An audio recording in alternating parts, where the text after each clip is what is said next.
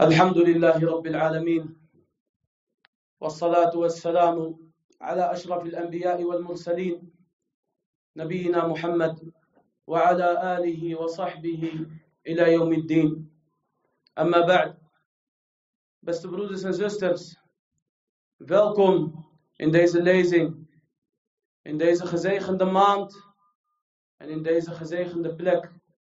Want de moskeeën, dat zijn niet zomaar plekken.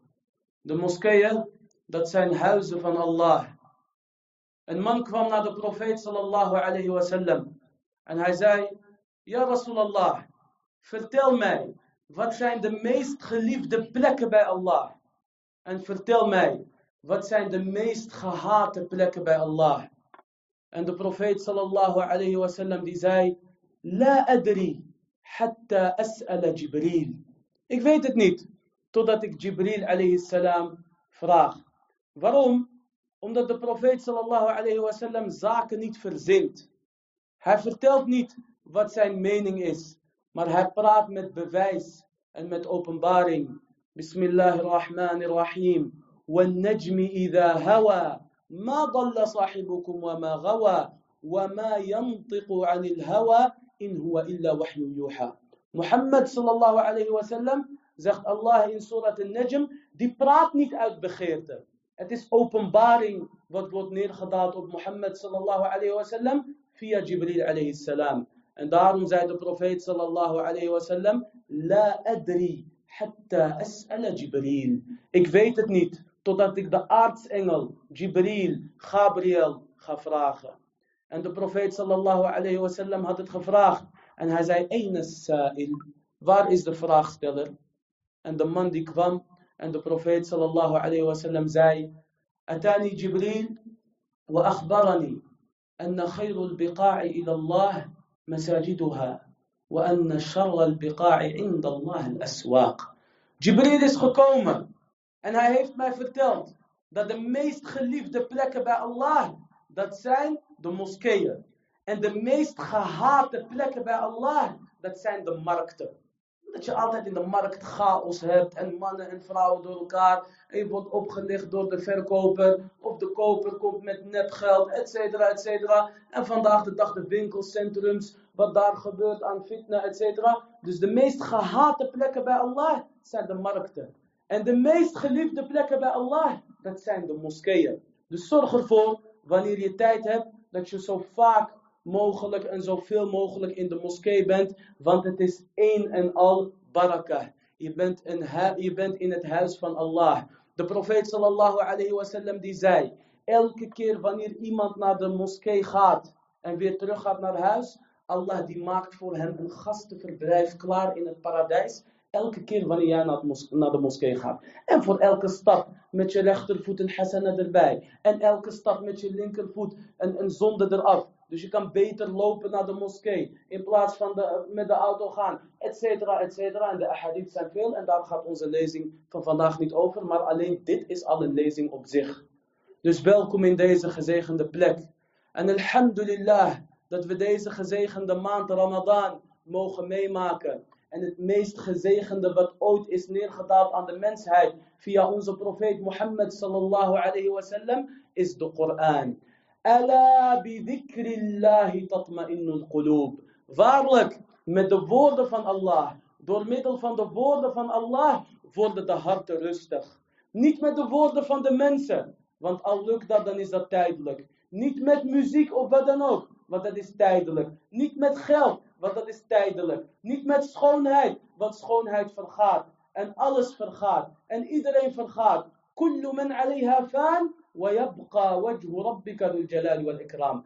Alles verdwijnt. En alleen Allah Azza wa Jal, die zal voor altijd alleen blijven bestaan. Subhanahu wa ta'ala. Dus Allah heeft deze maand uitgekozen. De maand Ramadan. De beste maand in het jaar. En de beste nacht uitgekozen. Laylat al-Qadr. Om de Koran te sturen aan Mohammed sallallahu alayhi wa sallam. De beste mens. In de beste plek. Namelijk Mekka. Dus de Koran, de beste woorden, de woorden van Allah, zijn gegeven aan de beste plek.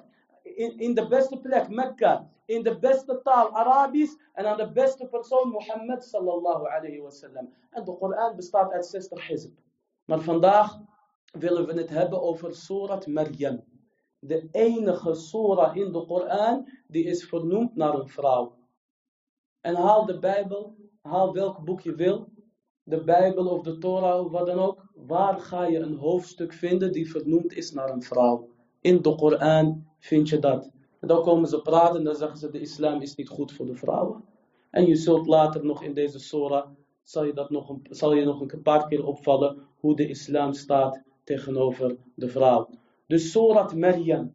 En Maryam, dat is Maria bij de christenen. En ze noemen haar moeder Maria, omdat zij de moeder is van Isa alayhi salam. De profeet van Allah, Isa alayhi salam. En tussen Isa en Mohammed sallallahu alayhi wasallam is er geen profeet.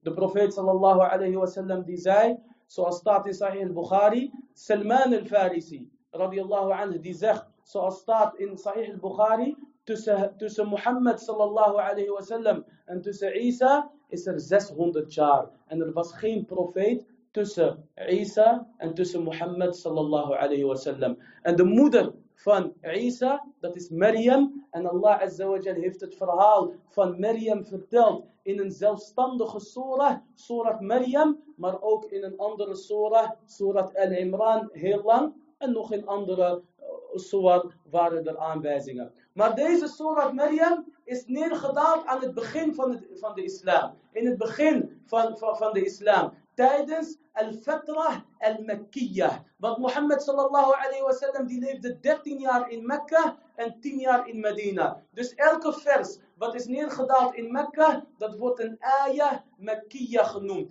Een Mekkaans vers. En elk vers wat is neergedaald na de hijra van Mohammed sallallahu alayhi wa sallam, al was dat in Mekka, wordt een ayah Madaniya genoemd. Dus dit is een Mekkaans vers. En dit hadden de moslims nodig. Want Allah Azza is al-Hakim. Hij is de alwijze. Hij laat iets neerdalen en hij weet waarom. De moslims die werden gemarteld in Mekka. Niet net als jij en ik vandaag de dag. We komen naar de moskee wanneer we willen. We, we, gaan terug wanneer we willen. We openen de Koran wanneer we willen. En we zeggen wat we willen. In die tijd, als je in Mekka la ilaha illallah zei, je werd geslagen. Je werd gemarteld. Je werd, er werd aan je haren getrokken. Je werd gesleept. En de sahaba, sommige van hun, werden zelfs vermoord. En de eerste martelaar in de islam was ook een vrouw, Sumayyah, radiallahu anha. De, de, de mushrik, Abu Jahl, la'anahullah, met een speer in haar geslachtsdeel, akramakumullah. Zo heeft hij haar gemarteld en zo heeft hij haar vermoord. En Bilal radiallahu anhu, een steen op zijn rug, gesmolten ijzer, koper, etc. En iedereen gaf een beetje toe. En je mag toegeven met je mond als je wordt gemarteld, zolang je maar niet met je hart toegeeft. Maar Bilal radiallahu anhu was zo sterk dat zelfs toen hij gemarteld werd als zwarte slaaf, hij bleef zeggen ahadun ahad. Ahadun ahad. Eén, één. Allah is één. Kijk wat deze mensen hebben opgeofferd voor hun dien vandaag de dag. Uh, gisteren. En vandaag de dag krijg ik vragen. Beste broeder, mag ik vandaag mijn vaste verbreken, want ik heb examens. Akbar. Voor la ilaha illallah. La ilaha illallah. Dat, daarvoor streden zij. En jij kan la ilaha illallah zeggen. En de Koran lezen en memoriseren. En je kan in je kamis lopen en met je gimar, et cetera. Natuurlijk is het niet compleet. Maar er is een bepaalde vorm of een bepaalde context en bubbel waarin jij je dien kan, kan verspreiden en je dien kan praktiseren. En je vraagt over examens of een voetbalwedstrijd of wat dan ook. Als je het leven van de Sahaba had begrepen, had je deze vragen niet gesteld, beste broeders en zusters. En daarom is het belangrijk aan de vaders om dit aan hun kinderen te onderwijzen. En daarom is het belangrijk om deze verhalen te vertellen en te herhalen in de moskeeën. Want op een dag zullen degenen die niet getrouwd zijn, trouwen. En op een dag zullen degenen die jonge kinderen hebben, oude kinderen krijgen, die kinderen worden oud. Mogen Allah onze en jullie kinderen beschermen. En dan moet jij hun dit verhaal vertellen. Het verhaal van Mohammed sallallahu alayhi wasallam. Het verhaal van Abu Bakr, Umar, Uthman, Ali. Het verhaal van Bilal. En het verhaal van Sumayyah. En het verhaal van Ammar en Yasir. En de profeet sallallahu alayhi wasallam die zei tegen hun terwijl zij gemarteld werden. Sabran ala Yasir. Fa maw'idakumul jannah. Heb geduld, o familie van Yasir. Want de afspraak is in het paradijs. Jullie afspraak staat te wachten in het paradijs. Oftewel, het paradijs is op jullie aan het wachten. Dus de Sahaba die werden gemarteld, ridwanullahi alayhim. Maar toch hadden zij geduld en heel veel geduld. Misschien zegt iemand, waarom werd Mohammed sallallahu alayhi wasallam niet gemarteld? En Abu Bakr en Umar, omdat hun een stam hadden achter hun. Mohammed sallallahu had zijn oom, Abu Talib, die dekte de profeet sallallahu alayhi wasallam. Abu Bakr had een sterke stam, Banu Taym, en die dekte Abu Bakr radiallahu anhu. Umar, die had geen rugdekking nodig.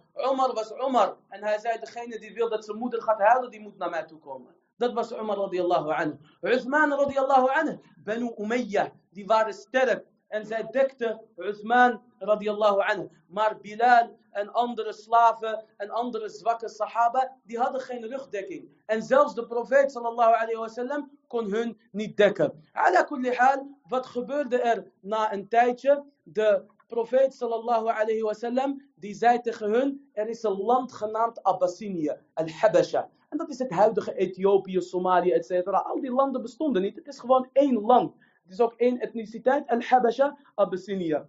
En de koning van hun was An-Najashi. En de profeet sallallahu alayhi wasallam, die zei tegen een aantal sahaba die dus onderdrukt werden, hij zei, jullie kunnen naar daar vertrekken. Jullie kunnen hijra verrichten. Emigreren naar, uh, naar Al-Habasha. فَإِنَّ عِنْدَهُمْ مَلِكْ لَا يُظْلَمُ عِنْدَهُ أَحَدًا. Want in Abyssinie is er een koning en niemand wordt daar onrecht aangedaan. Het was een kafirland. Het was een christelijke koning, maar toch was hij rechtvaardig. Toch was hij rechtvaardig in de omgang met de mensen. En een aantal sahaba, eerst uh, tientallen, eerst tussen de 10 en 20 en daarna 80 sahaba, waaronder ook Uthman radiallahu anhu, die getrouwd was met de dochter van de profeet sallallahu alayhi wasallam, en vele andere sahaba, uh, Ja'far ibn Abi Talib, neefje van de profeet sallallahu alayhi wasallam, die gingen allemaal naar Al-Habasha. Maar Quraysh die liet hen niet met rust. Quraysh die achtervolgde hun. En die stuurde ambassadeurs. En die stuurde gezanten. En ze gingen naar een Najashi. En sommige van hun, net als Amr ibn al-As, die hadden al connecties. Die hadden al contacten met een Najashi. En zij zeiden tegen Najashi, stuur deze mensen terug. Want ze zijn gevlucht van hun volk.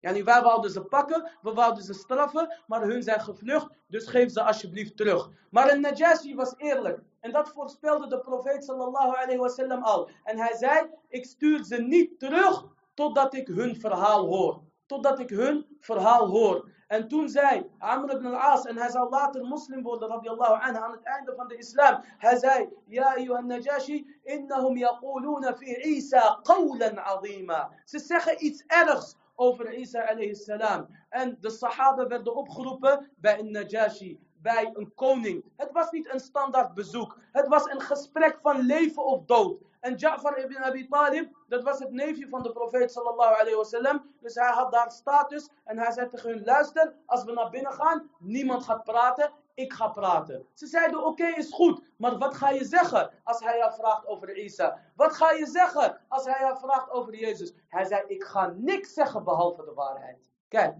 zijn kop kan er elk moment afgehaald worden. Maar hij zegt, ik ga niks zeggen behalve de waarheid. Zo is een moslim. En Allah Azawajal helpt de mensen die voor de waarheid staan op het moment wanneer jij denkt dat waarheid jou kan schaden. En Allah bestraft de leugenaars die slim denken te zijn op het moment wanneer zij denken dat die leugen hun zal redden. Want zo werkt het bij Allah Azawajal. En als je de vruchten en het resultaat niet ziet in de dunya, wallahi zal het zien in de akhira. En op de dag des oordeels zal je zeggen, had ik maar nog meer gedaan. Ala kulli hal. Ja'far ibn Abi Talib met de sahaba, ze gaan binnen bij een Najashi en hij vraagt aan hun, wat zeggen jullie over Isa alayhi salam? Wat zeggen jullie over Isa alayhi salam? En hij zegt, wij zeggen, Isa is het woord van Allah. En hij is de zoon van Maryam al-Batul. En Maryam, Maria, die heeft geen zina gepleegd. Zij is schoon en hij is de dienaar van Allah. Bismillahirrahmanirrahim. Kaf, ha, ja, ein, sad. En hij reciteert voor hem Surat Maryam, die wij zo meteen gaan beginnen uit te leggen. En de Najashi begint te huilen. En Najashi, de koning, hij begint te huilen. En toen hij ging huilen, de priesters die keken en die waren ontevreden. Kijk, de leider wou verandering, maar de elite om hem zei nee, nee, nee. Dit gaan we niet accepteren. Dus hij begon te huilen. En hij zei, Wallahi, dit is precies de boodschap waarmee Isa is gekomen. Yani dit is de ware, dit is het ware geloof en dit is de ware boodschap. Want zij wist, Salam had gezegd dat er een profeet zou komen na hem en die heette Ahmed. En dat staat in de Bijbel. Als je de Bijbel zou nemen in het Syrianees, laat staan die verstopte Bijbel van Barnaba. Als je die zou nemen, dan zie je bepaalde terminologie die duidelijk verwijst naar Ahmed. Want Ahmed betekent de gezegende met vele goede eigenschappen. En dat staat er ook letterlijk in het Grieks. Maar het probleem is dat de christenen vandaag de dag in Nederland bijvoorbeeld, mogen Allah ons en hun leiden, ze lezen de, de, ze lezen de Bijbel niet in het Syrianees. Ze lezen de Bijbel niet eens in het Latijns. Dat zijn alleen de geleerden van hun. Ze lezen de Bijbel in het Nederlands. En elke paar jaar heb je een nieuwe statenvertaling. En elke paar jaar wordt er iets veranderd aan de, aan de Bijbel. Subhanallah. De Bijbel is toch het woord van God. Waarom zou het woord van God veranderd moeten worden? En nu, alayhim la'ainullahi tatra, willen ze zelfs de en het weghalen van de Bijbel. Omdat het moet passen bij deze tijd. Wij moeten passen bij de boodschap van Allah Azza wa Jal. Allahu ghaniyun anna. Zoals Allah zegt in de Koran, inna Allah ghaniyun ankum. Allah is rijk. Hij heeft ons niet nodig. Wij hebben hem nodig. Maar dit is dus hoe de christenen hun religie stap voor stap hebben veranderd. En daarom weten zij het zelf vandaag de dag vaak oprecht niet meer. En daarom is Mohammed sallallahu alayhi wasallam gekomen met de duidelijke, zuivere boodschap waar je niet omheen kan. En het is voldoende om te weten dat de Koran na 1400 jaar nog steeds is elke letter hetzelfde. Al-Muhim. Al-Muhim. Uh, Ja'far ibn Abi Talib radiyallahu anhu. Hij leest Bismillahirrahmanirrahim. Kaf, ha, ja, in Saad, surat Maryam. En de Najashi begint te huilen. En Najashi begint te janken. En hij zegt, dit is de waarheid waarmee Mohammed sallallahu alayhi wa sallam is gekomen. Fanakhirat al-qasawisa.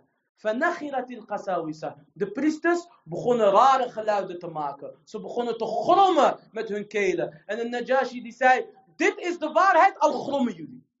Dit is de waarheid, al grommen jullie. En hetzelfde was bij de Romeinen, bij Heraclius. Hij sloot de deuren en hij zei: Dit is de boodschap waarmee Mohammed is gekomen. Dit is de profeet en hij zal het Romeinse Rijk veroveren en ik wil moslim worden. Wat deden de priesters in het Byzantijnse Rijk? Ze renden gelijk naar de deuren en ze wilden naar buiten gaan en een koep plegen. En Heraclius die vreesde dat al, dus hij had de deuren gesloten. En toen hij zag van ze gaan hem sowieso weghalen en executeren, zei hij: Kom terug, kom terug. Ik hield jullie voor de gek. Ik wou testen of jullie echte christenen waren of niet. Maar een Najashi die werd wel moslim. Hij is geen sahabi, want hij heeft de profeet sallam niet ontmoet. Maar hij is wel een moslim. En daarom heeft de profeet sallam ook salat al-janaza over hem verricht. En dat was de eerste salat al-ghaib in de islam. Dat was de eerste gebed van de janaza. Terwijl de dode afwezig is.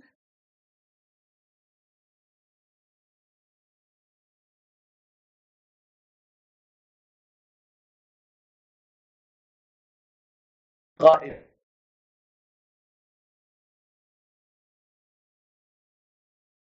Ja'far ibn Abi Talib radiyallahu anhu, die reciteerde surat Maryam en een Najashi die begon te huilen. En hij zei tegen Amr ibn As, hun zijn gekomen met de waarheid. Jullie zijn veilig in dit land. Wie jullie uitscheldt, krijgt een boete.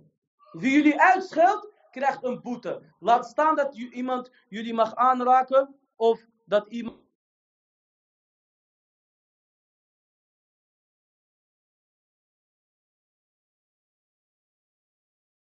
begrijp je ook het verhaal van Surat Maryam. Dit alles is een introductie om te begrijpen, het, het verhaal van Surat Maryam te begrijpen. En te begrijpen ook waarom dit in Mekka is neergedaald. Maar wat staat er precies in Surat Maryam? We zullen niet alles kunnen uitleggen. Inshallah komt er een volgende keer. Maar laten we alvast een gedeelte uitleggen. Allah Azza wa Jal die zegt in de Koran. Bismillahirrahmanirrahim. Kaf ha ya ain sad. Wat betekent kaf, ha, ja, ein, sad? Voor de gemiddelde Arabier heeft dit geen betekenis. Maar kaf, ha, ja, ein, sad is net als alif, lam, mim. Is net als alif, lam, ra. Is net als yasin. Is net als taha. Allah Azza wa Jal laat zien aan Quraysh, aan de ras echte Arabieren. Hij laat aan hun zien van zelfs letters die geen betekenis hebben. Zoiets kunnen jullie niet nadoen. Zo wonderbaarlijk is deze Koran. En deze letters, barakallahu fikum, die hebben een betekenis die alleen Allah subhanahu wa ta'ala weet. Die alleen Allah subhanahu wa ta'ala weet. En wij weten het niet, maar Quraysh wist wel, dit is een wonder. Quraysh die wist wel, dit is een wonder. En daarna zegt Allah azza wa jal, na kaf ha ya ain sad, dhikru rahmati rabbika abdahu Zakaria. Dit is een melding. Dit verhaal is een vermelding waarin jouw Heer het verhaal noemt van zijn dienaar Zakaria. Voordat je het verhaal van Maryam te horen krijgt in Surah Maryam, krijg je eerst als inleiding het verhaal van Zakaria. Oftewel Zacharias bij de christenen. Waarom? Omdat Zakaria degene is die Maryam zal adopteren. Omdat Zakaria degene is die Maryam zal onderhouden en hij zal haar voorzien. Zakaria alayhi salam, dat was in die tijd de profeet van Benu Israël. En Israël is Israël. En Israël is Jacob, Jacob. Zoals we gisteren zeiden in de lezing in Rotterdam. Dus als je iemand vervloekt, vervloek niet Israël. Want Israël is Jacob salam. Dat is een goede dienaar. En Israël in het Hebreeuws betekent zoiets net als Abdullah. Want Il is Allah. Dus dat zijn allemaal goede betekenissen. Maar het zijn de afgedwaalden van Benu Israël. Van de kinderen van Israël die hun religie hebben uh, verdraaid. Dus Zakaria salam was hun profeet. En Zakaria salam was hun imam. Maar Zakaria salam bedelde niet. Net als sommige mensen vandaag de dag doen in het naam van het geloof. Maar Zakaria salam die werkte met zijn eigen handen. قال النبي صلى الله عليه وسلم كما جاء في الصحيح كان زكريا عليه السلام نجارا زكريا عليه السلام was een timmerman. وكان زكريا عليه السلام يأكل من عرق جبينه Zakaria salam, die zal eten van het zweet van zijn voorhoofd. Oftewel vakmanschap. Hij was een timmerman. Want wanneer je aan het timmeren bent, ga je zweten. Wanneer je aan het verven bent, ga je zweten. Wanneer je een loodgieter bent, ga je zweten. En dit zijn de beste banen bij Allah Azza vakmanschap. Dat je een vakman bent en niet dat je in de dienstensector zit of welke sector dan ook. Want wanneer iemand jou vraagt om een, om een, om een tafel te timmeren, of een deur, of een stoel, of een, of een muur te, te verven, welke haram zit daarin? Welke haram zit daarin? Behalve als je het zelf heel bont maakt. Yani het haram is ver verwijderd. En het halal ligt voor de hand. En daarom spoort het islam aan tot aan handel en tot aan uh, ambacht. Terwijl de scholen van vandaag, ze leren je alleen hoe jij een loonslaaf kan worden. Tot Yom al-Qiyamah, 9 tot 5. Ketting aan je been, hypotheek, niet te veel praten. Doe je stoel tegen je vrouw, ben je de helft kwijt. En de andere helft heeft de belastingdienst al afgepakt. Wasalat al-janaza, yarhamukumullah. Dat is wat de kuffar van jou willen. Maar de islam, die wil van jou dat je een handelaar bent. Of dat je een ambachtslied bent. En dat je je toekomst gaat bouwen vrij en onafhankelijk. En die wil ook dat degene die voorgaat in het gebed niet bekend staat als bedelaar, maar als eervolle werknemer, zodat diegene onafhankelijk zijn woord kan preken. Vind je het leuk? Alhamdulillah. Vind je het niet leuk? Hoef ik jullie imam niet te zijn. Ik ben een timmerman, zoek het maar uit en ik regel mezelf al. Maar vandaag de dag, die afhankelijkheid, wat bepaalde mensen en bepaalde externe factoren willen, dat is wat de umma van Mohammed sallallahu alayhi wasallam achteruit heeft gehaald en klein en zwak heeft gemaakt, ondanks de mening die je hebt. Maar de umma van Mohammed sallallahu alayhi wasallam, die zal altijd groot worden en die zal uiteindelijk overwinnen, want dit is een belofte van Allah subhanahu wa ta'ala. Dus Zakaria alayhi salam was een timmerman en hij was een profeet en hij was hun imam, hij was hun leider in het gebed. Maar Zakaria alayhi salam was kinderloos. Zakaria alayhi salam kon geen kinderen krijgen. En Zakaria alayhi salam was al bejaard. En Zakaria salam was bang van de valse priesters. Hij was bang van de valse rabbijnen, van de valse priesters. Hij was bang dat als hij zou sterven, dat hun het zouden overnemen. En dat hun het zouden verpesten voor Benu Israël. Dus hij deed een stiekeme dua tussen hem en Allah. En dat is het derde vers van Surah Maryam. Qala Allah ta'ala, idnada rabbahu nida'an khafiyya toen hij in het geheim Allah azawajal aanriep. In het geheim verrichtte hij dua. Qala Rabbi, Qala Rabbi inni wahana al minni. Mijn botten, o oh Allah, die zijn zwak geworden. Washta'ala ra'su shayba. En mijn haren, die zijn grijs geworden. Walam akum bidu'aika Rabbi shaqiyya. En u heeft mijn smeekbeden, u heeft mijn dua nog nooit niet beantwoord. Allah die beantwoordt altijd de dua voor zijn vrome dienaren. En met name voor de profeten. En daarom als Mohammed sallallahu alayhi wasallam tegen een volk of stam of persoon dua verrichtte, diegenen waren gelijk vernietigd. Dus Zakaria alayhi salam verrichtte dua. Maar hij begon niet gelijk met vragen. Hij begon eerst met smeken. Altijd inleiding, kern, slot. Zo heb je het geleerd en zo hoort het ook in jouw dua. Dus hij zegt, Rabbi, inni wahan al minni. Ik ben zwak. Ik ben zielig. Dat toon je aan Allah azawajal, zodat Allah je nog meer gaat geven. En mijn haren zijn grijs geworden. Maar u heeft altijd mijn ad'iya verhoord. En daarom zegt Allah azawajal ook in de Koran. Daarom zegt Allah azawajal ook in de Koran. وَقَالَ رَبُّكُمُ ادْعُونِي أَسْتَجِبْ لَكُمْ En jullie Heer die zegt, vraag mij en ik beantwoord. Vraag mij en ik beantwoord. Niet vragen wanneer. Dat is niet aan jou. Maar blijf dua verrichten. En Allah die zal je hoe dan ook geven. Of hij geeft je iets wat beter is. Maar je hebt niet door dat uitstel beter voor jou is. De profeet sallallahu alayhi wasallam die zei. eh, zoals staat in de sahih. Als iemand dua verricht. Hij krijgt één van de drie zaken. Of zijn dua wordt verhoord. En dat is eigenlijk het makkelijkste en het minste. Je vraagt duizend, je krijgt duizend. Je vraagt iets, je krijgt iets. Of zegt de profeet sallallahu alayhi wasallam, iets wat slecht is, wordt van je weggehaald. Of zegt de profeet sallallahu alayhi wasallam, in het hiernamaals krijg je een grotere beloning vanwege deze dua. En wanneer je deze dua, de beloning van die dua ziet in het hiernamaals, ga je hopen dat, dat, dat, dat je nog meer dua had gedaan. En dan maakt het je helemaal niks uit dat de dua niet was verhoord. Dus Zakaria alayhi salam, die zei, Rabbi. Wanneer je dua verricht, zoals staat in de Koran, Rabbana la tuzigh qulubana. De meeste ad'iya beginnen met Rabbana. En ook bij de profeet sallallahu alayhi wasallam. Meestal is het of Rabbana of Allahumma. En het komt op hetzelfde neer. Maar wanneer jij je handen hebt je zegt Ja Rabb, Ja Rabb, Ja Rabb, dan is de kans groter dat Allah azza wa je verhoort. En wanneer is de kans ook groter? Wanneer je stiekem dua verricht. Net als Zakaria alayhi salam, nida en khafiyya. Hij was alleen, hij was alleen. Het was een gesprek tussen hem en Allah azza wa jal. En wat is het toch mooi wanneer deze gesprek plaatsvindt, wanneer dit gesprek plaatsvindt een uur voor een fajr, in de derde deel van de nacht. Of tijdens de sujood, waarin je het meest dichtbij bent van Allah azawajal. Zoals Mohammed sallallahu alayhi wa sallam zei. Of wanneer het regent, want dan is de kans ook groot dat jouw dua wordt verhoord. Zoals de profeet sallallahu alayhi wa sallam zei. Of tussen de adhan en de iqama. Dat is ook een moment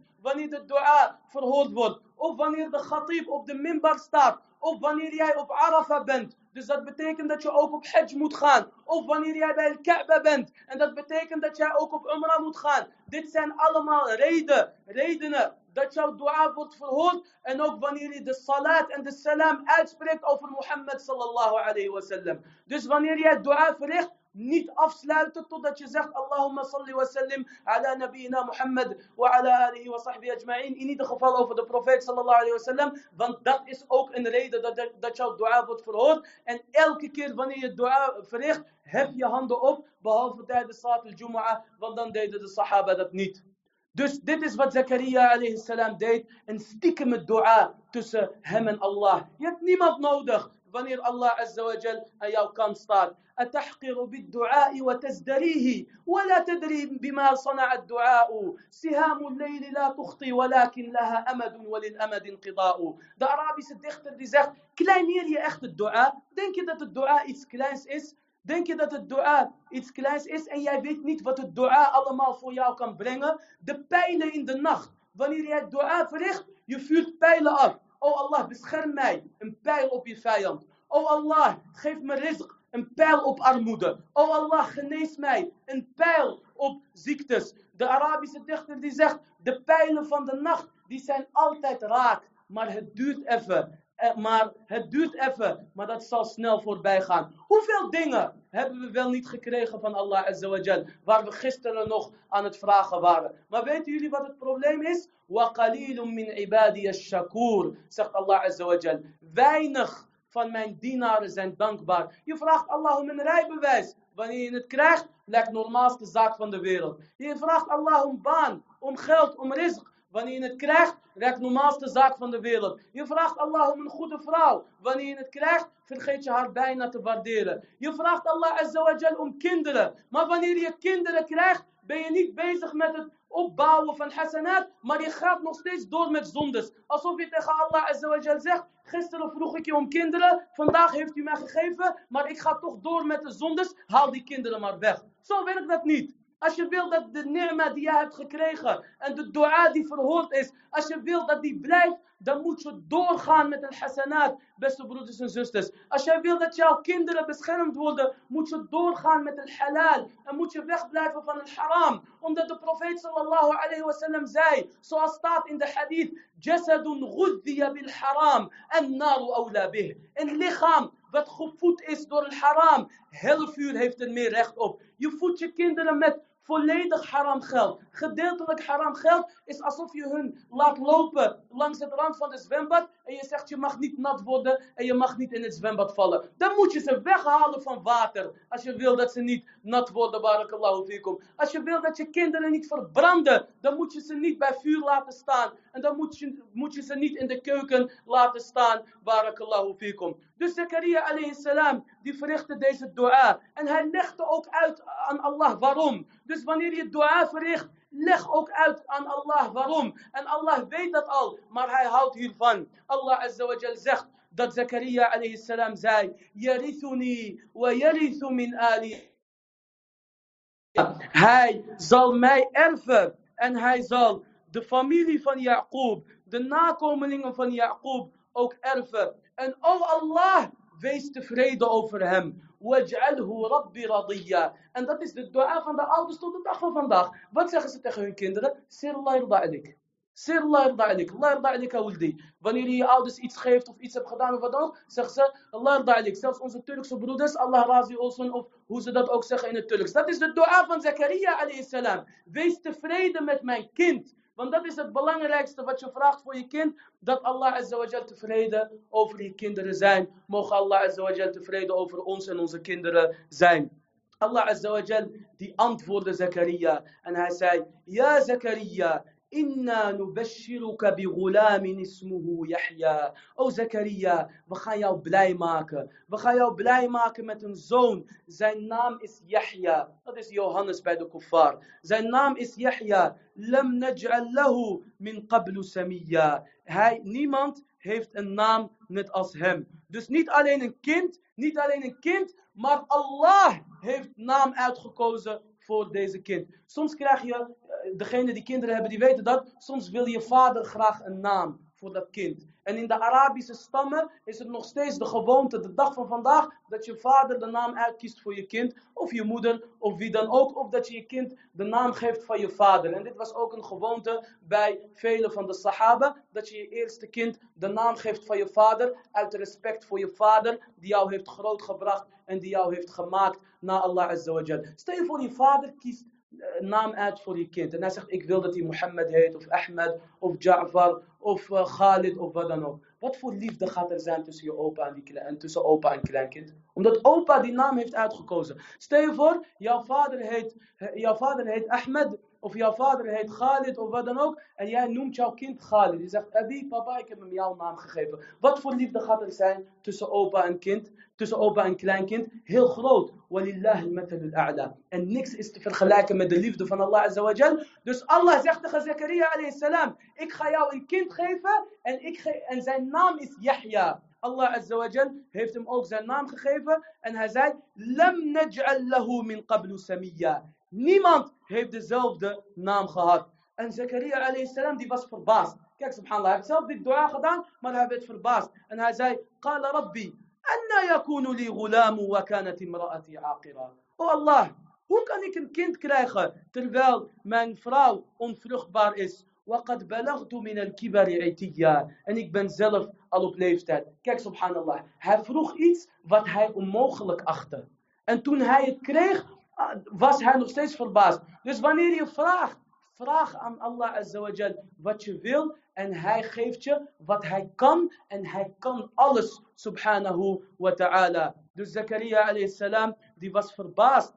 Hoe kan ik een kind krijgen? Ik ben bejaard en mijn vrouw is onvruchtbaar. Maar wat zei Allah azawajal? Qala kadalik. Allah die zei, of Jibril alayhi salam in dit geval die zei, zo is het. Qala rabbuk, jouw Heer, Allah heeft gezegd, huwa alayya hayyin. Het is voor mij makkelijk. وقد خلقتك من قبل ولم تك شيئا. Want ik heb jou eerder geschapen en jij was niks. Jij was niks. Allah Azza wa Jalla heeft Adam geschapen en Adam was niks. Adam was zand. Dus om een kind te schapen uit een vader die bejaard is en een vrouw die onvruchtbaar is, is nog makkelijker. Want de vader en moeder zijn al aanwezig. Terwijl Adam is geschapen zonder vader en zonder moeder. En Isa salam, zoals later in deze surah gaat komen, die is geschapen uit een moeder zonder vader. En Hawa, onze moeder Hawa, Eva, die is geschapen uit Adam, uit een man zonder moeder. En wij zijn geschapen uit moeder en uit vader. En zo is de cyclus compleet. Alle opties heeft Allah azawajal gedaan. Geen vader, geen moeder, Adam. Geen moeder, wel een soort vader, in ieder geval uit een man, uit een rib voor een man. En daarom zegt de profeet sallallahu alayhi wasallam ook, de vrouwen zijn geschapen uit een rib. En een rib blijft altijd scheef. Als je die recht probeert te maken, dan breek je deze rib. En als je ervan geniet, zal je genieten, maar je moet die scheefheid accepteren. Dat is Hawa. Dat is Hawa, onze moeder Hawa. Dus uit een man, maar zonder een vrouw. En Isa uit een moeder zonder een man, zonder een vader. En wij uit vader en, moeder, zodat Allah azawajal laat zien dat hij tot alles in staat is. En hij zegt tegen Zakaria, ik heb jou geschapen en hiervoor was jij niks. Zakaria alayhi was nog steeds verbaasd. En hij zei, Qala rabbi ij'alli ayah. Hij zei, oh Allah, oh mijn Heer, geef mij een teken. Qala ayatuka alla layalin sawiyya. Jouw teken is dat jij niet kan praten met de mensen drie nachten lang. Dus jouw teken is jouw tong, die werkt niet meer. Ibn Kathir, rahimahullah ta'ala, in zijn tafsir noemt een aantal overleveringen op dat Zakaria salam naar buiten ging enige wat hij kon zeggen was subhanallah, alhamdulillah, wa la ilaha illallah, akbar. Maar als hij wou praten, hij zou blokkeren. Dat was het teken van Allah azawajal. Waarom vraagt Zakaria salam deze teken? Zodat zijn hart standvastig wordt. En Allah azawajal heeft ons ook tekenen gegeven. Maar het is aan jou en mij of we willen zien of niet. En de grootste teken, dat is de Koran. En de wonderen van de Koran. Maar ook in praktijk. Kijk bijvoorbeeld naar de tsunami in Indonesië. Ik verzin het niet. Alles was weg. Behalve de moskeeën, die bleven letterlijk staan. Terwijl de moskeeën een zwakkere fundering hadden dan de gebouwen. Het zijn de tekenen van Allah Azawajal. En in alle schepsels van Allah Azawajal zijn een teken. Kijk naar de dag, kijk naar de nacht, kijk naar de zon, kijk naar de maan, kijk naar de flora, kijk naar de fauna, kijk naar de watervallen. Kijk maar een documentaire over de oceaan en het dierenrijk en de mensenrijk. Jij bent 1,70 meter, 1,80 meter, 1,90 meter, maar jouw darmen die zijn bijna 12 meter. Jouw vingerafdruk die zijn, die zijn uniek. Geen enkele vingerafdruk is identiek. Terwijl er miljarden mensen op deze aardbol rondlopen. In dit alles zijn tekenen van Allah Azawajal. Dit kan nooit toeval zijn. Maar het is aan ons of we dit willen zien of niet. En Allah Azawajal heeft ons niet nodig. En daarom zegt Allah Azawajal zoals staat in de hadith al-Qudsi. Ja ibadi, innama hiya a'malukum uhsiha lakum. Faman wajada khayran falyahmadillah. Waman wajada ghayra dhalik. فلا يلومن إلا نفسه. De profeet sallallahu alayhi wa sallam die zei dat Allah zei in deze hadith, o mijn dienaren, het zijn slechts jullie daden die ik voor jullie bijhoud, die ik voor jullie aan het bijtellen ben. Degene die iets goeds vindt, die, degene die iets goeds vindt, laat hem Allah dankbaar zijn. En degene die iets anders vindt, die Yom al-Qiyamah geen boek krijgt in zijn rechterhand, die moet het niemand kwalijk nemen, behalve zichzelf. Dus Zakaria salam die kreeg een teken. Zijn tong blokkeerde, behalve van dhikrullah, behalve van het gedenken van Allah azawajal. En Allah azawajal die zei, qala ayatuka alla tukallim an-nasa thalatha layali sawiya. Jouw teken is dat je niet met de mensen kan praten. Hij kon wel praten met Allah, door de dhikr te verrichten, etc.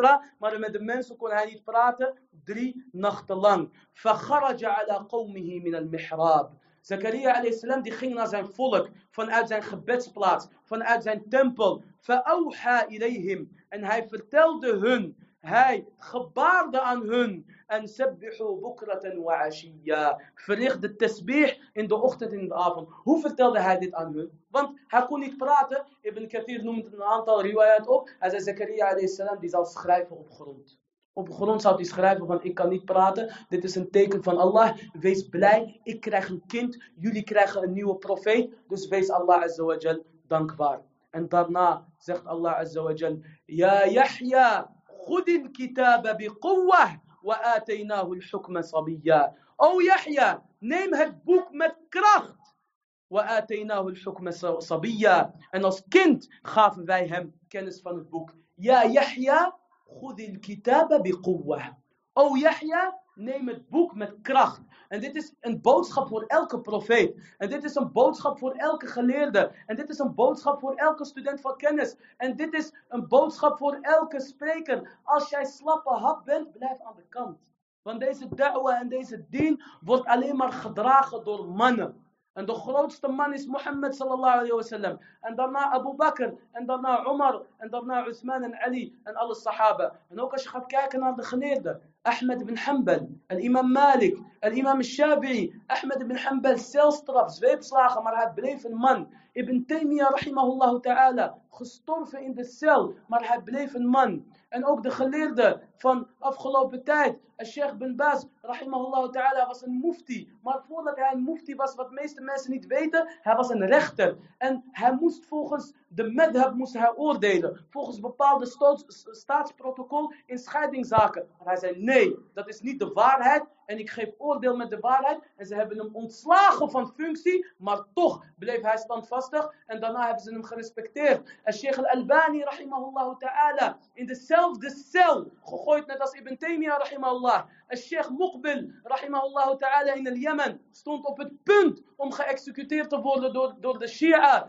in, in, in het noorden van Jemen. Die de dag van vandaag ook veel verderf zaaien. Maar zijn stam, die had hem gerecht, eh, gered. En al deze geleerden, die zijn mannen. En die hebben het overleefd. Maar heel veel geleerden, die hebben het niet overleefd. Wij kennen hun misschien niet, maar Allah kent hun wel. En dat zijn de echte martelaren bij Allah Azza wa Jal. Ja Yahya, khudil kitaba bi Neem het boek met kracht. Wil je een profeet zijn? Wil je een drager zijn van de islam? Wil je een man zijn? Wil je een student van kennis? Niet huilen wanneer jou iets wordt aangedaan. Wat Mohammed sallallahu alayhi wa sallam is wat aangedaan. Vandaag de dag komen ze huilen. Ik word gediscrimineerd op werk. Ik word dit. Eh, ze nemen me niet serieus. Ze behandelen me gelijkwaardig, etc.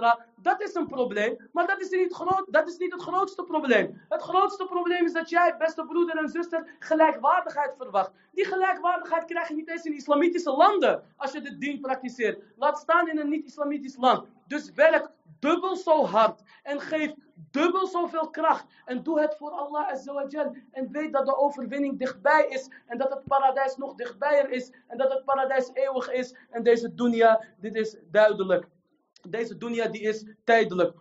Kitabe biquwwah wa al-hukma. En hij kreeg wijsheid en hij kreeg kennis terwijl hij al een klein kind was. Subhanallah. Ibn Kathir rahimahullah ta'ala die zei, Yahya die kende de Torah, de Torah al uit zijn hoofd toen hij klein was. Hij was een kleine jongen. En zijn vriendjes kwamen naar hem toe en ze zeiden tegen hem, kom we gaan spelen. Weten jullie wat Yahya zei? Hij zei als kleine jongen, wij zijn niet geschapen om te spelen. Zoveel kracht gaf Allah Azza aan hem. En dit is niet iets wat je kan faken. Dit is ook niet iets wat je kan maken meestal. Je kan 20% maken. Maar de grootste gedeelte komt van Allah Azza En dat zie je ook bij bepaalde geleerden. Bij de imam al-Nawawi, al-Shafi'i rahimahullah ta'ala. De schrijver van Riyad al-Salihin. Hij was als kleine jongen op zijn tiende werd hij getrokken door zijn vriendjes om te spelen. En hij ging huilen en hij zei, ik wil niet spelen, ik wil leren. Dit is iets, dit is iemand dit zijn mensen die zijn uitgekozen door Allah Azza wa Jal. En de imam al-Nawawi is gestorven op zijn 45ste, maar hij heeft tientallen boeken uh, nagelaten. En in elke moskee en in elk Arabisch huis vind je de Koran. En als je vraagt naar een hadithboek, krijg je als eerste hadithboek Riyad al-Salihin. En het eerste hadithboek waarmee de studenten van kennis beginnen wereldwijd is een Arba'in al-Nawawiyah. De 40 Nawawi ahadith. Zoveel baraka heeft Allah Azza wa Jal gezet in deze geleerden. En daarna zegt Allah Azza wa Jal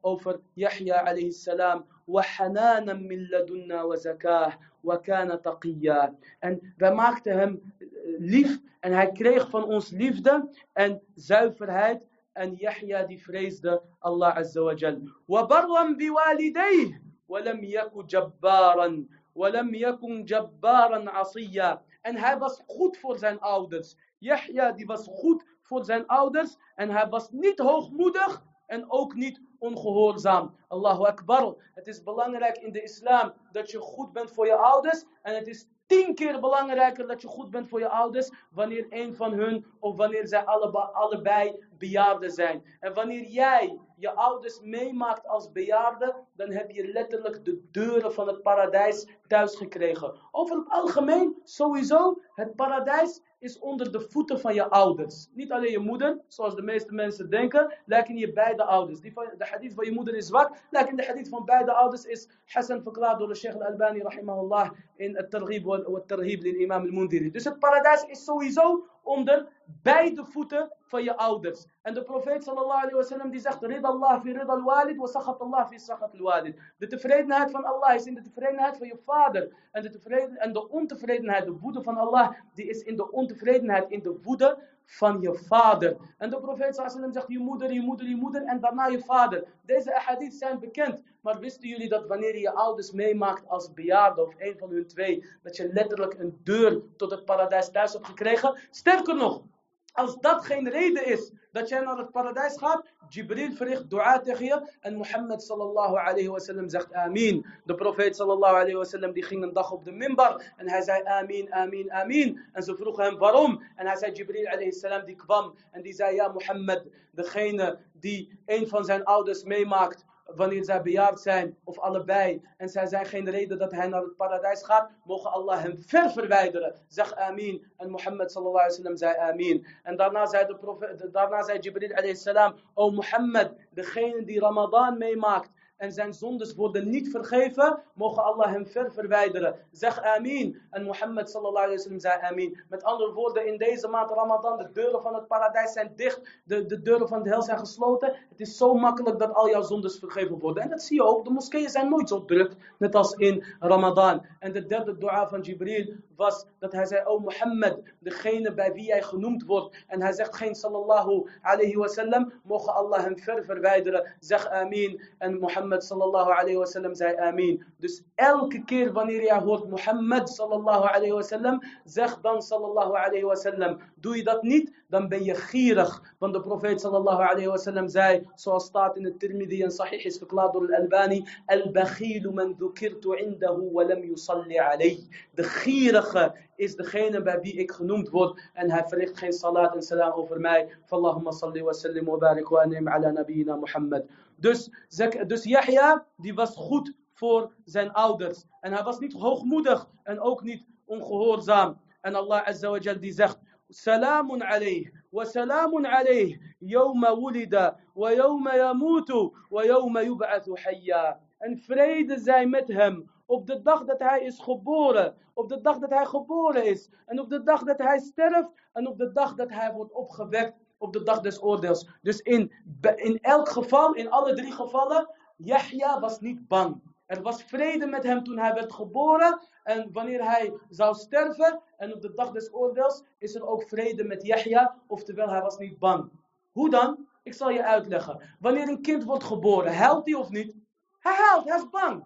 Hij komt uit de baarmoeder van zijn moeder. Hij was negen jaar, hij was negen maanden in een veilige bubbel. En nu is hij eruit gekomen, dus hij huilt. En zoals staat in de hadith, elke keer wanneer een baby wordt geboren, dan prikt de duivel hem. En daarom huilt hij, behalve Isa alayhi salam. Isa die kon niet geprikt worden door de duivel. Elke keer wanneer er een kind geboren wordt, de duivel komt hem gelijk prikken. De duivel zegt gelijk, ik ben je vijand, ik sta klaar om te wachten. En daarom, wat doen wij? Al-adhan in zijn rechteroor. Ashhadu an la ilaha illallah wa ashhadu anna Muhammad rasulullah. Gelijk begint die strijd met de duivel. De duivel die prikt, baby helpt en wij verrichten de shahada. Om te laten zien dat wij ook klaar staan voor deze strijd. Dus Yahya alayhi salam, toen hij was geboren, was er vrede met hem. En toen hij was gestorven, was er ook vrede met hem. Hij stierf een vredige dood. En op de dag des oordeels zal hij ook veilig zijn, omdat hij is uitgekozen door Allah azza wa jal. En daarna zegt Allah azza wa jal, وَذْكُرْ فِي الْكِتَابِ Maryam. En gedenk, o Mohammed, Maryam in het boek. Dus alles wat jij nu hebt gehoord over Zakaria, et cetera, is een introductie om het verhaal te snappen en te bevatten. En nu gaan we naar de essentie van het verhaal. En dat is het verhaal van Maryam, alayhi salam. Allah Azza wa Jal die zegt, وَذْكُرْ فِي الْكِتَابِ مَرْيَمْ إِذِ انْتَبَدَتْ مِنْ أَهْلِهَا مَكَانًا شَرْقِيًّا Allah Azza wa Jal die zegt, gedenk o Mohammed in de Koran, Maryam, toen zij zich afzonderde van haar familie en zij ging naar een oostelijke plek. Maryam was in Jeruzalem, was, in, was bij Masjid al-Aqsa, Beit al-Maqdis. Allah Azza wa Jal die snel weer bevrijden van de Joden en terugbrengen aan de moslims. De enige umma bij wie dat thuis hoort. Dus Maryam die was in Beit al-Maqdis, die was in de moskee. Maar zij zou op een dag naar een oostelijke plek gaan. Ze zou naar een plek gaan in het oosten van Beit omdat ze daar helemaal alleen wou aanbidden. En daarom ook de christenen die bidden naar het oosten. Die bidden tot aan het, naar het oosten. En subhanallah, tot aan de jaren 60 tot aan de jaren 60 van de vorige eeuw, de christenen in hun kerk, het altaar was bij het oosten. En vooral ook de priester, wanneer die zou inzegenen, etc., hij zou bij het oosten staan. Maar sinds de jaren 60 hebben ze dat weggehaald, net als hoe ze hun religie stap voor stap verdraaien, omdat ze ook willen dat hun uh, Jeruzalem vergeten. Dus Maryam, die ging naar een plek in het oosten. فَاتَّخَذَتْ مِن دُونِهِمْ حِجَابًا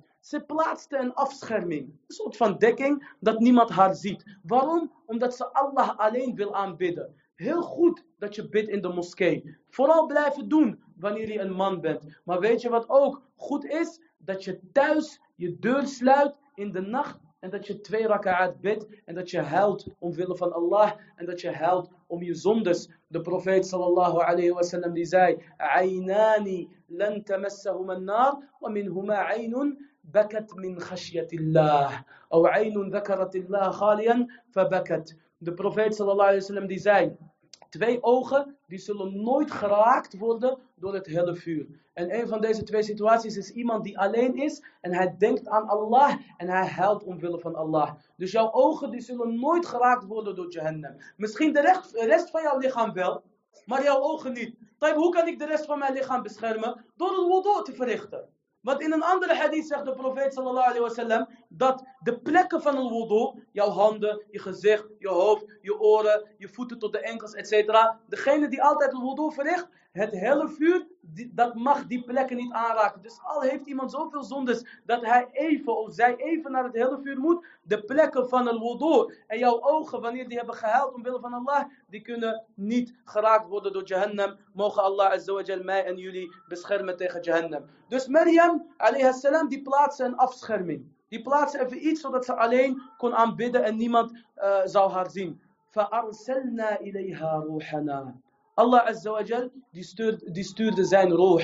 En de roh, al-amin, al-qawi, al-amin, dat is Jibril alayhi salam. Dus Allah stuurde Jibril naar Maryam. فتمثل لها بشرا سويا. En hij kwam in de gedaante aan van een mens. Want de engelen kunnen dat. De engelen die kunnen in gedaante komen van mensen. En de duivels ook. Die kunnen ook komen in de gedaante van mensen. Ook in jouw droomte, ook in jouw dromen, behalve in de gedaante van één persoon. En dat is de gedaante van Mohammed sallallahu alayhi wa sallam. Die kunnen de duivels niet nadoen. Maar de engelen die, kom, die komen dus soms ook in de gedaante van mensen. En zo kwamen ze ook bij Mohammed sallallahu alayhi wa sallam. Want als je een engel echt zou zien, hij is veel te groot. De profeet sallallahu alayhi wa sallam die zei, ik heb Jibril gezien op zijn ware aard. En hij had 600 vleugels. Elke vleugel was even breed als de hemel. En de parels die vielen er vanaf. Zoals staat in de Sahih. Dus Jibril die kwam als een mens. Maryam die schrok. En ze zei. قالت إني أعوذ بالرحمن منك in kunta taqiyya. Ze zei, ik zoek mijn toevlucht bij de barmhartige van jou, als jij een godsvrezende bent. Dus wanneer je iemand gaat waarschuwen, wanneer je iemand eh, wilt wegduwen, begin eerst met praten en zeg eerst ittaqillah, vrees Allah. Dit is wat Maryam alayhi salam, deed en dit is wat wij moeten doen bij indringers of bij mensen die al lastig vallen of schade, uh, schade verrichten. Zeg tegen hun, vrees Allah. Ik vraag je in de naam van Allah, stop of blijf weg. Dus Maryam alayhi die zei, ik zoek mijn toevlucht bij Allah, de barmhartige, als jij Allah vreest. أدوسها جبريل عليه السلام تخهار. قال إنما أنا رسول ربك لأهب لك غلاما زكيا. إك بن سلخت إن بروفيت إن خزنت فن الله أم ياو إن رين زون تسخنك أن مريم دي سخرك أن سزاي قالت أنا يكون لي غلام ولم يمسسني بشر ولم أك بغيا سزاي هو Hoe kan ik een kind krijgen? Hoe kan ik een zoontje krijgen? Terwijl geen mens mij heeft aangeraakt. Ik ben nog maagd. Ik ben niet getrouwd. En geen enkele man heeft mij op een haram manier aangeraakt. Walam aku.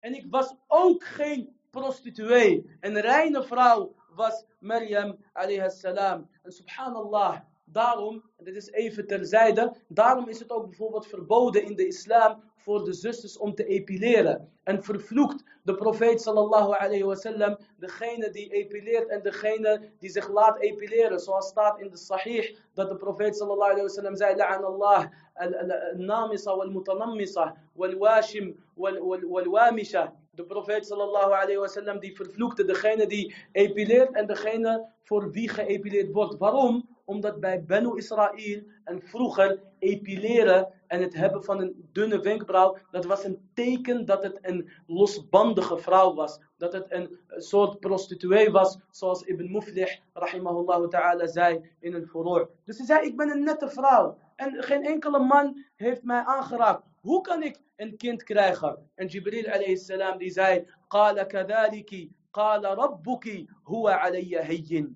Jibril alayhi salam zei, zo zal het zijn. Jouw Heer die zegt, dit is makkelijk voor mij. Wanneer de opdracht van Allah komt, niet vragen hoe. Want Allah azawajal die doet wat hij wil. Stel je voor iemand zou 500 jaar geleden gehoord hebben dat de profeet zei, een van de tekenen van het uur is dat die schapenherders zonder schoenen, die, die arme schapenherders, die gaan met elkaar concurreren in het bouwen van gebouwen. Iemand zou zeggen hoe? Maar wanneer je nu vandaag de dag kijkt naar Dubai of naar Saudi-Arabië of de Golfstad of wat dan ook. En ze zijn bezig met een gebouw van een kilometer, van 1,6 kilometer. Niemand vraagt meer hoe. Dus wanneer je, wanneer je iets hoort van Allah Azza of van Mohammed sallallahu alayhi wa sallam. Zeg sami'na wa ata'na. Wij luisteren en we gehoorzamen. En niet vragen hoe. Want dat wordt met de tijd vanzelf duidelijk. Dus Maryam alayhi salam. Jibril zei haar, zo heeft Allah bepaald. En het is makkelijk voor hem. وَلِنَجْعَلَهُ آيَةً En zodat Isa een teken wordt voor de mensen. وَرَحْمَةً minna. Een genade van ons. وَكَانَ أَمْرًا مَقْضِيًّا. En dit is een besloten zaak. Dus Isa, de profeet Isa, de profeet Jezus, is een genade voor de mensen. En dat zie je vandaag de dag nog steeds bij de christenen. De complete genade hebben ze niet meer, maar ze zijn veel beter af dan de boeddhisten of dan de hindoes die koeien aanbidden of wat dan ook. En dan uh, de Joodse gemeenschap, et cetera. De christenen zijn veel liever over het algemeen. En veel aardiger. En veel dichtbij het geloof. Waarom? Omdat zij geloven in Isa alayhi salam. Weliswaar verkeerd en met de shirk al-akbar, maar er zijn toch nog bepaalde zaken. Niet kijken in Europa. Kijk bijvoorbeeld in uh, Zuid-Amerika. Die mensen slachten nog steeds. Tot de dag van vandaag met hun handen. Die kennen dat niet. Pin door uh, schapen of uh, door hoofden van koeien, koppen van koeien of wat dan ook. Die slachten nog steeds met hun handen. En kijk bijvoorbeeld naar hier, naar Staphorst of naar Urk. Hun vrouwen tot de dag van vandaag dragen ze rokken. En in heel veel families is het een zware schande dat hun vrouwen een broek dragen. En kijk alleen naar de koningin van het Verenigd uh, Koninkrijk van Engeland. Als je haar oude foto's gaat bekijken van 60 jaar geleden, had gewoon een hoofddoek aan. Ze had gewoon een hoofddoek aan. Dus de christenen die hebben nog steeds een beetje genade door de komst van Isa. En als zij echt Isa volgen en geloven, dan zullen zij uitkomen op Mohammed sallallahu alayhi wasallam. En dan hebben ze de volledige genade en dan hebben ze een dubbele beloning. Zoals de profeet sallallahu alayhi wasallam zei, degene die in Isa gelooft en daarna in mij gelooft, die heeft een dubbele beloning van Allah azza. Dus dit is Isa alayhi en Maryam die schrok toen zij zwanger werd van hem. Ze heeft geen moeite met de wil van Allah en met de wetten van Allah. Maar ze weet dat de mensen, de mensen over haar zullen praten. En de mensen haar zullen haten. En de mensen haar zullen beschuldigen zonder geen enkel bewijs. En subhanallah, wat het ook erger maakt bij Maryam salam, salam is dat ze een vrome aanbidster was. Ze stak boven het maaiveld uit. En hoge bomen die vangen nou eenmaal veel wind. Dus subhanallah, wanneer iemand zijn hele leven bezig, goed bezig is, op wat voor front dan ook, het lijkt alsof de mensen wachten om een blunder, om diegene aan te pakken. Dus Maryam die wist, de mensen zullen geen genade met haar tonen. En daar had zij wel angst voor en daar had zij wel vrees voor.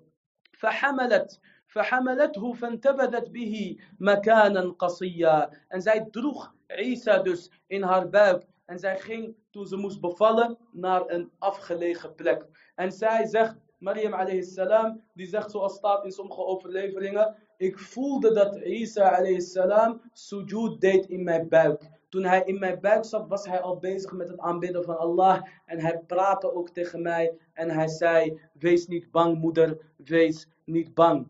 فأجاءها المخاض de pijn van de weeën die kwam bij Maryam alayhi salam. Ila jid'in nakhla. En dat dreef haar naar de stam van een palmboom. Ze ging leunen bij de stam, van een palmboom om te bevallen. Maar ze was verdrietig en ze zei: Ja, mittu hada wa kuntu nasyan mansiya. Was ik maar hiervoor allang al dood gegaan, allang al gestorven en waren de mensen mij al volledig vergeten. Soms kan de beproeving zo groot zijn dat een persoon de dood wenst. En daarom heeft de profeet sallam ons geleerd om niet de dood te wensen. Maar dat wij een dua moeten zeggen wanneer wij eigenlijk het leven niet meer zien zitten. En dat wij moeten zeggen, Allahumma ahyini ma kanat il hayatu khayran li wa amitni in kana al-mamatu khayran li. Als je echt depressief bent en je bent er doorheen, dan moet je volgens de profeet sallam één dua zeggen. En dat is, oh Allah, laat me leven zolang het leven beter voor mij is.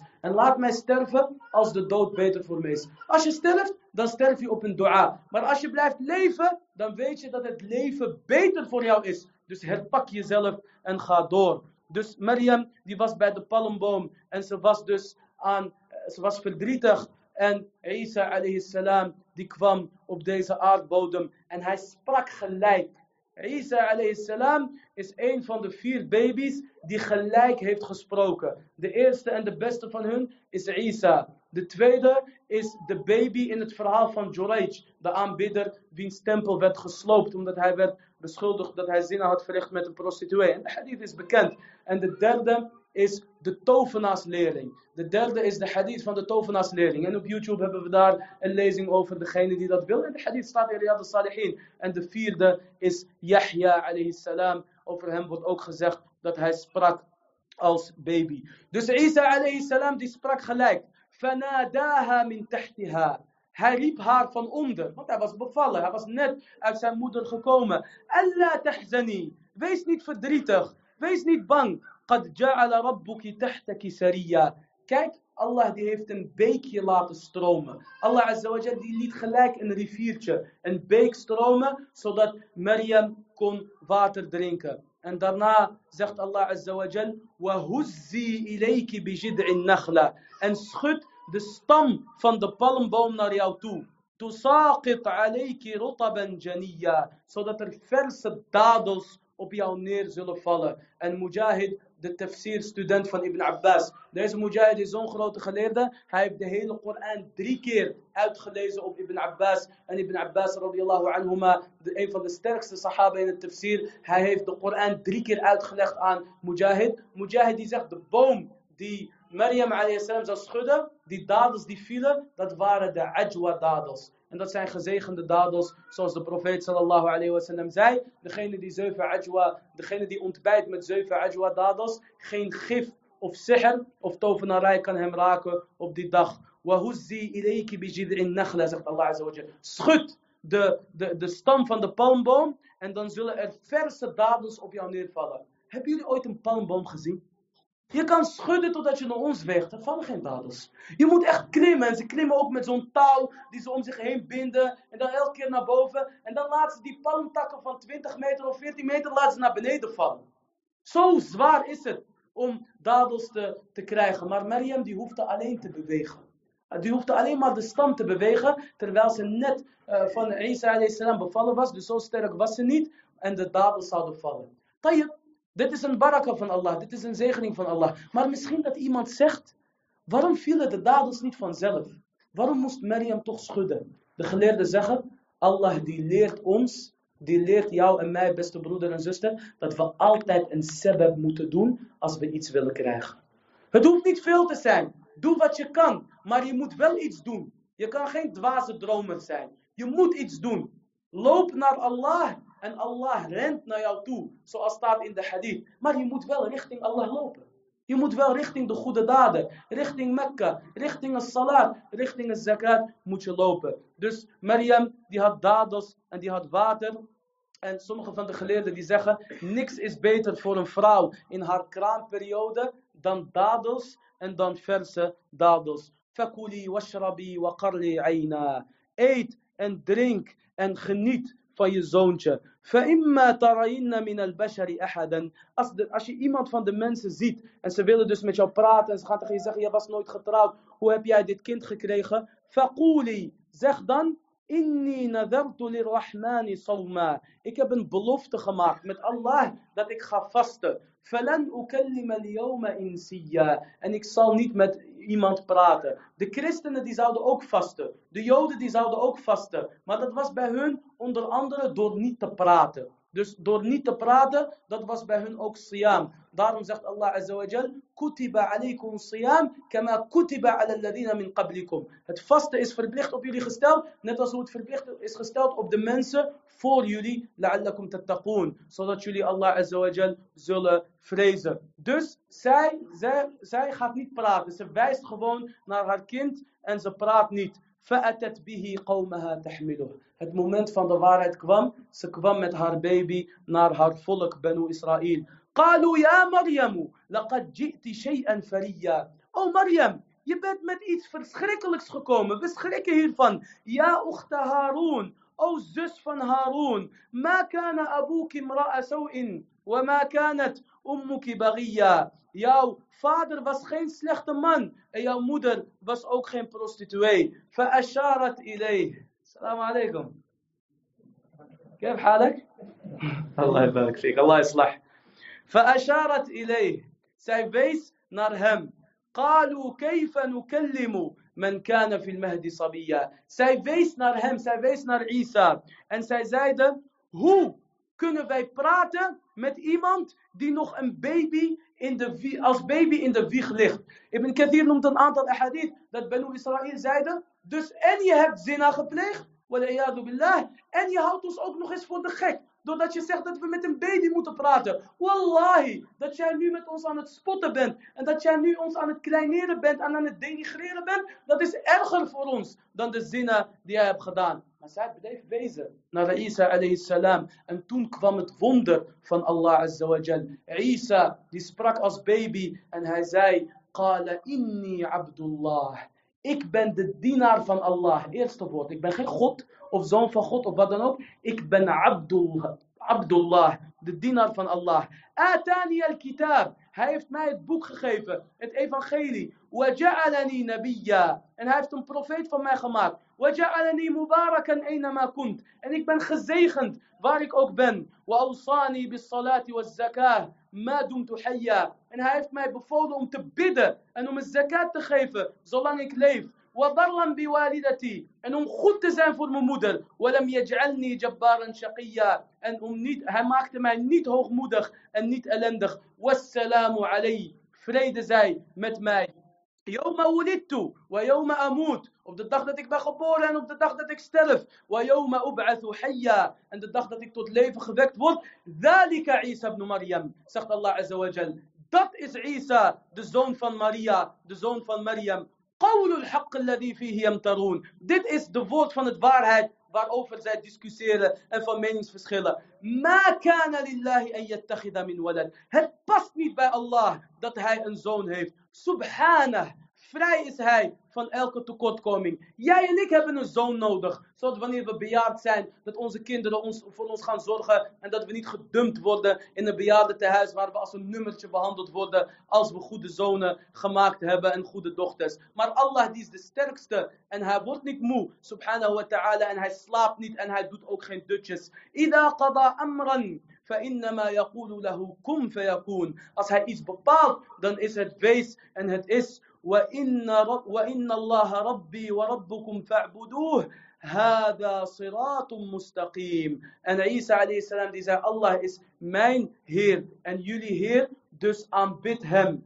Dit is het rechte pad. Het rechte pad is het pad van het tawhid. En het rechte pad is het pad van la ilaha illallah. Mogen Allah azza wa jal ons en jullie laten sterven op la ilaha illallah. En degene wiens laatste woorden van deze dunya la ilaha illallah zijn, die zal naar het paradijs gaan. Dit is deel 1 van het verhaal van Maryam alayhi salam en Isa. En er zal nog veel gebeuren. Isa alayhi salam die zal van klei vogeltjes maken. En die zullen echt vliegen. Isa alayhi salam zal de blinden genezen. En de leprozen, de mensen met lepra genezen. En hij zal de doden wekken uit hun graven. Bi'idnillah. Met de wil van Allah azza wa jal. Dit en meer nog meer in de volgende lezingen. Mogen Allah Azza wa Jal het accepteren. Allahumma taqabbal siyamana. Allahumma taqabbal siyamana. اللهم تقبل صيامنا وتقبل قيامنا واغفر لنا ذنوبنا يا رب العالمين. اللهم بلغنا ليلة القدر اللهم بلغنا ليلة القدر اللهم بلغنا ليلة القدر. اللهم اعتقنا من النار اللهم اعتق رقابنا من النار واعتق رقابنا ورقاب آبائنا وأمهاتنا وكل من له حق علينا من النار. اللهم صل وسلم على نبينا محمد وعلى آله وصحبه أجمعين. سبحان ربك رب العزة عما يصفون وسلام على المرسلين والحمد لله. لله رب العالمين. والسلام عليكم ورحمة الله وبركاته.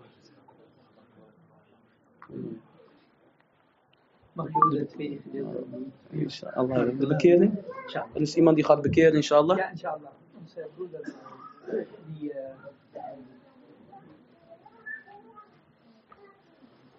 ديسمبر ان شاء الله ما شاء الله هذا برو تفضل بسم الله الرحمن الرحيم الحمد لله رب العالمين وصلى الله وسلم على نبينا محمد وعلى آله وصحبه أجمعين Het mooiste wat je leven kan, in je leven kan doen, is het accepteren van Allah subhanahu wa ta'ala. En het accepteren van Mohammed sallallahu alayhi wa sallam. En wanneer jij Allah accepteert, dan accepteert Allah jou. En dan zal jouw leven vol geluk zijn wanneer je leeft en sterft volgens de wil van Allah azza wa jal. Het verheugende nieuws heeft mij bereikt dat broeder Damien inshallah op het punt staat om te bekeren. Mogen Allah azza wa jal hem standvastig maken en standvastig houden op het geloof. Mogen Allah azza wa jal zijn zondes vergeven. Mogen Allah azza wa jal alle slechtheid van hem weghouden en al het goede voor hem schrijven in het dunya wal akhirah. We gaan de shahada uitspreken, daar ben je vast bekend mee. Ja, ik heb een paar keer geoefend. eh. Alhamdulillah, dat scheelt inshallah. ja, een En beetje anders- bijstaan, maar En anders maakt het nog steeds niet uit. We zeggen het eerst in het Nederlands, zodat je weet wat je zegt. En daarna in het Arabisch. Ik getuig ik getuig dat er geen ware God is, dat er geen ware God is, behalve Allah. behalve Allah. En ik getuig En ik getuig dat Mohammed dat Mohammed zijn laatste profeet zijn laatste profeet en boodschapper is. en boodschapper is. Ashhadu. Ashhadu. An la an la ilaha. Ilaha. Illallah. Illallah. Wa ashhadu. Wa ashhadu. Anna. Anna. Muhammadan. Muhammadan. Rasulullah. Rasulullah.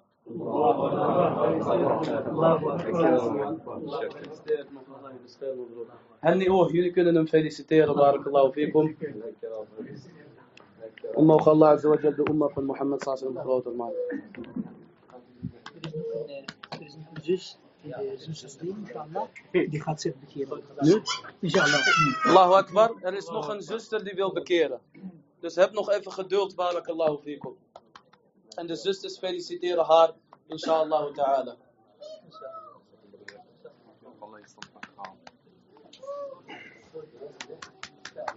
Laat me weten als het zover is. Barakallahu fikum.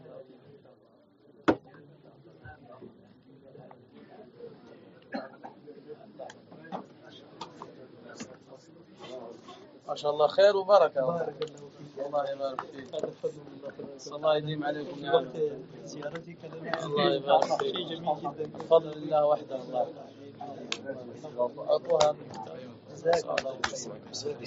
Ja, tuurlijk. Dan, uh, ja. Damien, nog eventjes, uh, voordat je verder gaat. Ja. Je krijgt van onze broeder. Leuk van de profeet sallallahu alaihi wasallam. Allah يبارك فيك. Mag Allah de benen maken. Dat je de wegwijs maakt en uh, veel van Zover is kunnen jullie aankondigen. hier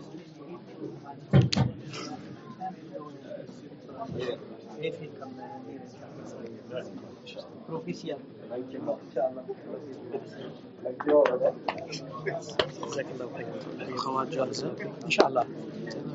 أعطيناهم Dan wilde ze zich zo meteen.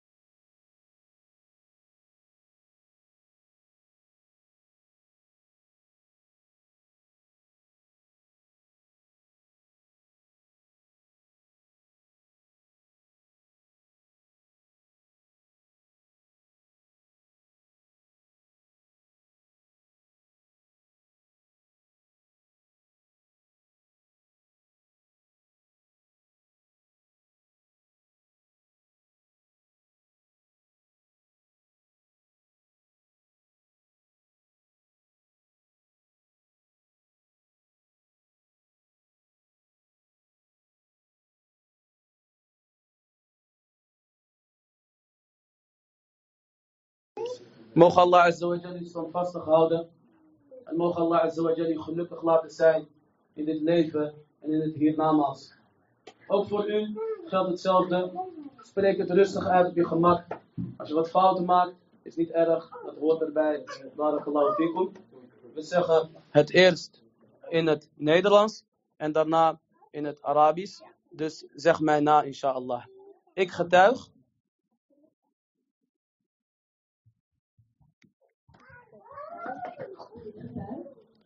dat er geen ware God is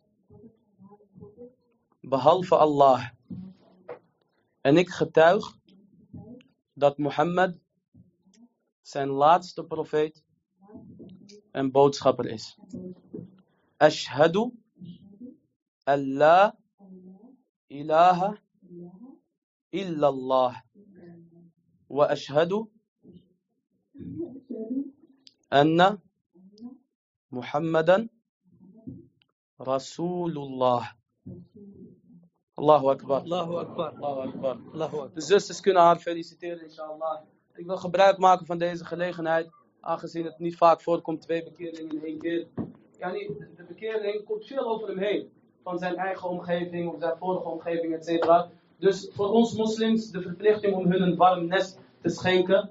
En hun ook gewoon de tijd geven. Gewoon rustig aan, stap voor stap. Niet alles hoeft in één dag te gaan. Maar rustig aan oriënteren en kennis opdoen en de islam praktiseren. Dus verwelkom hun en zie hun als je eigen familie. Want dat is echte familie. Degene die leven en sterven op la ilaha illallah. Wassalamu alaikum wa rahmatullahi wa barakatuh. وعليكم السلام Allah يبارك. جزاكم الله عنا الله خير. يحفظك. محمد حياكم الله شرفتمونا والله